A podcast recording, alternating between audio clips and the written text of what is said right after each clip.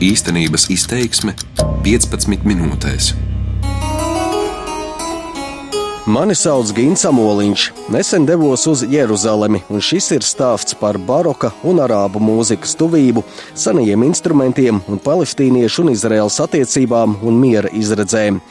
Tas ir stāsts par Džamilu Frēžu, palestīniešu mūziķi, kura kaislība ir renesanses un baroka mūzika un dziedāšana, kurš bērniem māca mūziku Jeruzalemes vecpilsētā, Franciskāņu izveidotā mūzikas institūtā, kurš ir palestīnietis, arābs un kristietis. Par viņa dzīvi kā palestīniešu mūziķim un redzējumu, kam jānotiek un cik daudz laika vajadzēs mieram svētajā zemē.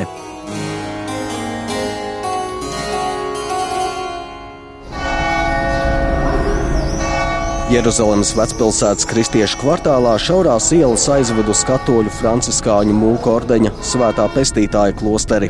Klostera teritorijā atrodas franciskāņu dibinātais Magnificat institūts - mūzikas skola Jeruzalemes sirdī.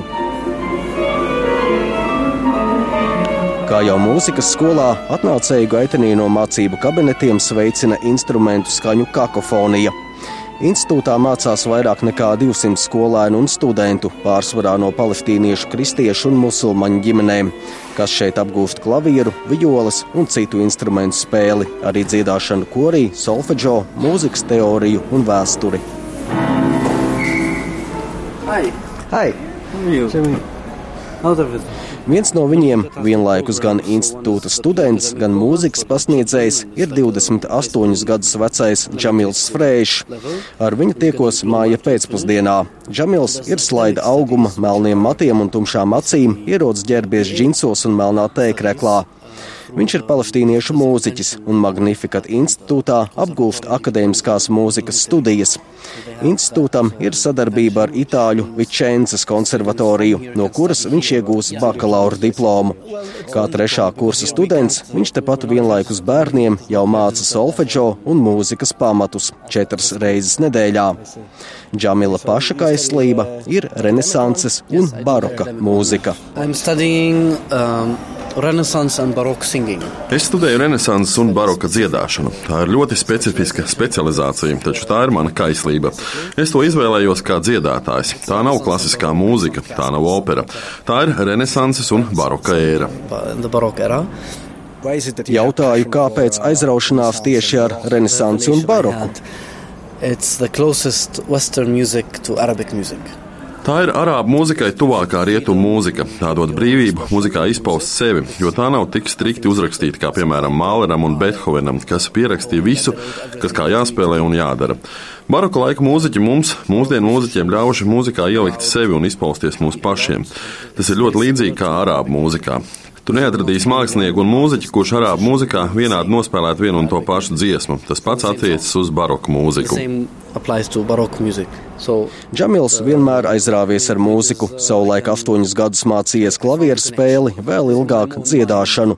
Taču viņš joprojām atceras konkrēto brīdi, klikšķi, kas viņam savulaik lika doties tieši renesanses un baroka ceļu. it was a, a concert, Baroque concert in uh, Augusta Victoria. Tas bija baroka mūzikas koncerts Austrum Jeruzalemē, Augustas Viktorijas baznīcā, kas vienlaikus ir hospitāls. Es tur aizgāju uz baroka mūziķu koncertu, kas spēlēja senus baroka instrumentus.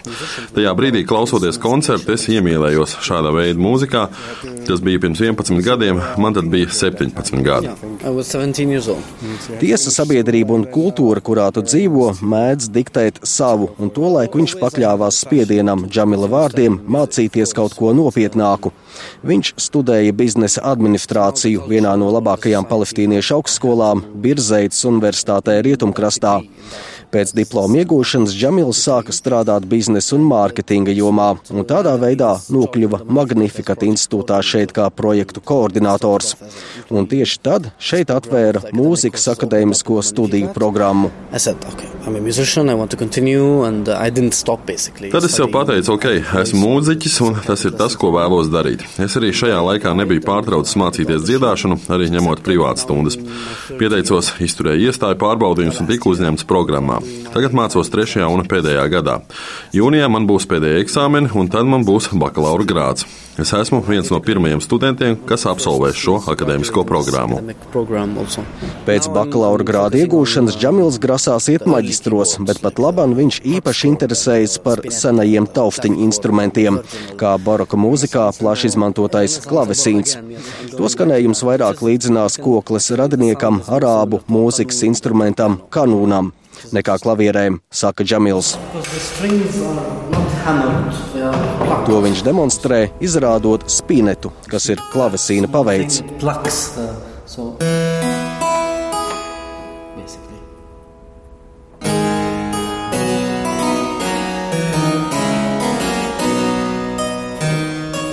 Interesants ir šī klavesīna spīneta ceļš līdz nonākšanai Džamila rokās.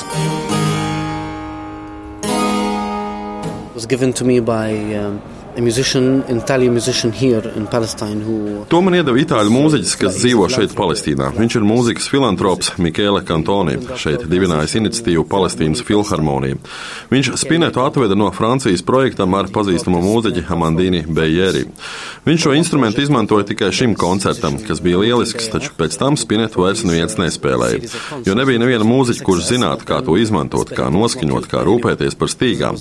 Spinets ir ļoti delikāts un smalks instruments instruments. Tādēļ viņam pajautāju, vai varu to aizņemties. Un viņš teica, paturi to sev, es tev to atdodu. Varbūt mums kādreiz tevi vajadzēs ar to muzicēt.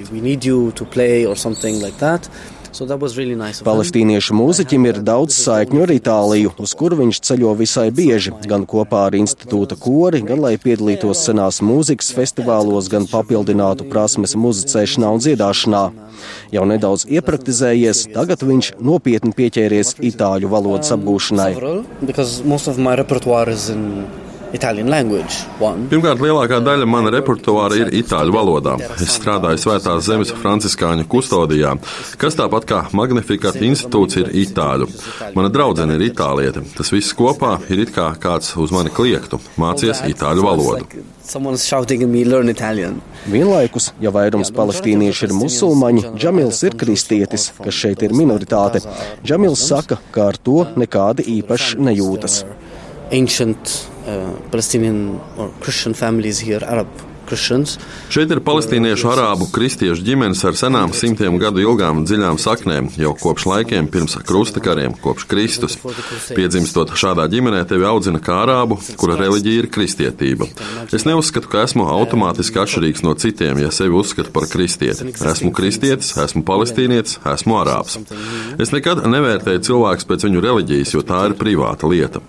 Es uzaugu Ramalā un Jeruzalemē otrās intifadas jeb palestīniešu sacelšanās laikā laikā. Kā palestīnietis es izgāju cauri visam tam pašam, kam visi citi. Palestīnietim ceļošana uz Itāliju gan nav vienkāršs pasākums. Džamilam ir divi ceļošanas dokumenti, viens Izraels varas iestāžu, otrs Jordānijas izdots. Sava veida pases, taču nepilnvērtīgas.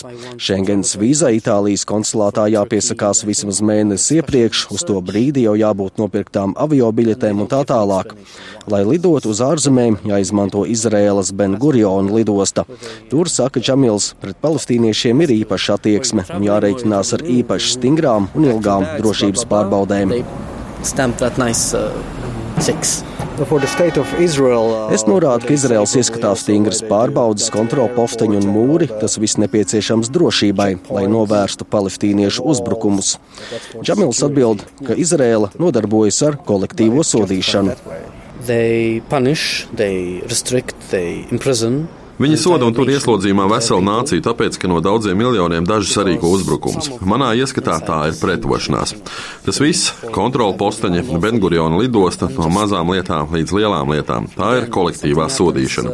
Pret visiem attiecas vienādi, nelikumīgi un netaisnīgi. Viens vīrietis uzbruk karavīram, viņi vēršas pret visu viņa ģimeni, kurai ar to varbūt nav nekāda sakara.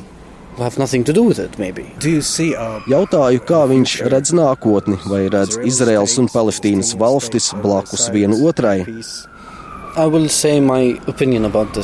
Ar tādu lietu stāvokli, kāds ir pašlaik, ar Izraēlu, pasauli, palestīniešiem, Palestīnu un tā tālāk, nav ne mazākā cerības stariņa divu valstu risinājumam.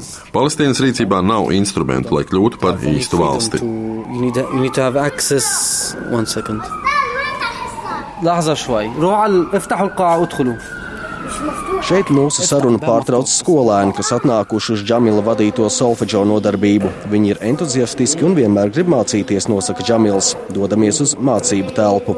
La, re, do, si, da, do, re. Skolēnu grupa ir neliela - trīs bērni. Todien ir palestīniešu demonstrāciju diena, ģenerāla streiks un saspringtās situācijas dēļ. Daļas bērnu vecāki šodien viņus nav palaiduši uz mūzikas skolu. Divi nav atnākuši arī uz džamila stundu.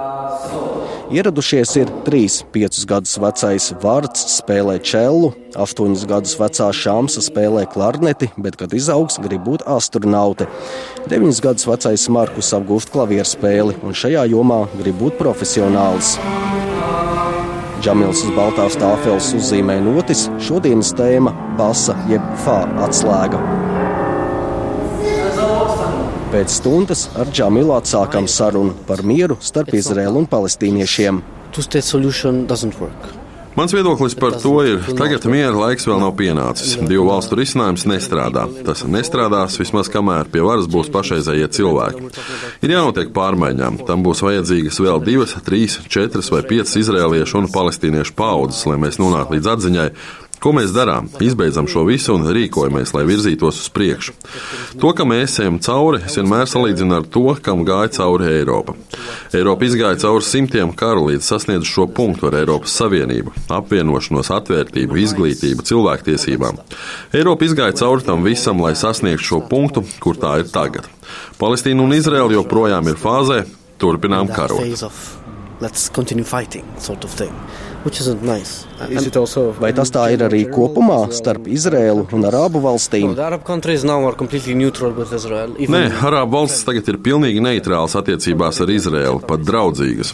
Saudārābija un Ēģipte principā ir kopā ar Izrēlu. Sīrijai tam visam nav laika. Jordānija ir pilnīgi neitrāla valsts. Libānai tam nav laika. Irāka ir Irāka, viņiem ir pašiem savas problēmas. Līdz ar to neviens vairs nav kopā ar mums. Varbūt Turcija, bet tā nav Arābu valsts two-state solution is one thing and peace is one thing. Divu valstu risinājums ir viena lieta, un miers ir cita lieta. Tas ir apusgriezīgs zobens. Pirms dažiem gadiem es teicu, ka ceru, ka savu mūžu laikā pieredzēšu brīdi, kad būs kāds progress, ja runājam par mūsu nākotni. Tas bija pirms dažiem gadiem. Es neesmu zaudējis cerību, bet Tagad esmu vecāks, esmu pieredzējis vairāk lietu. Tagad es redzu, ka būs vajadzīgs vairāk laika, vairāk gadu, lai tas atrisinātos. To, to realize, to become, to unfold. Mani sauc Gins Amoliņš, un šī bija mana tikšanās Jeruzalemes vecpilsētā ar palestīniešu mūziķi Džamilu Frēžu, lai runātu par mūziku, par baroku, par dzīvi un par mieru svētajā zemē caur viņa kā palestīnieša prizmu. Par skaņu rūpējās Kaspars Groskops.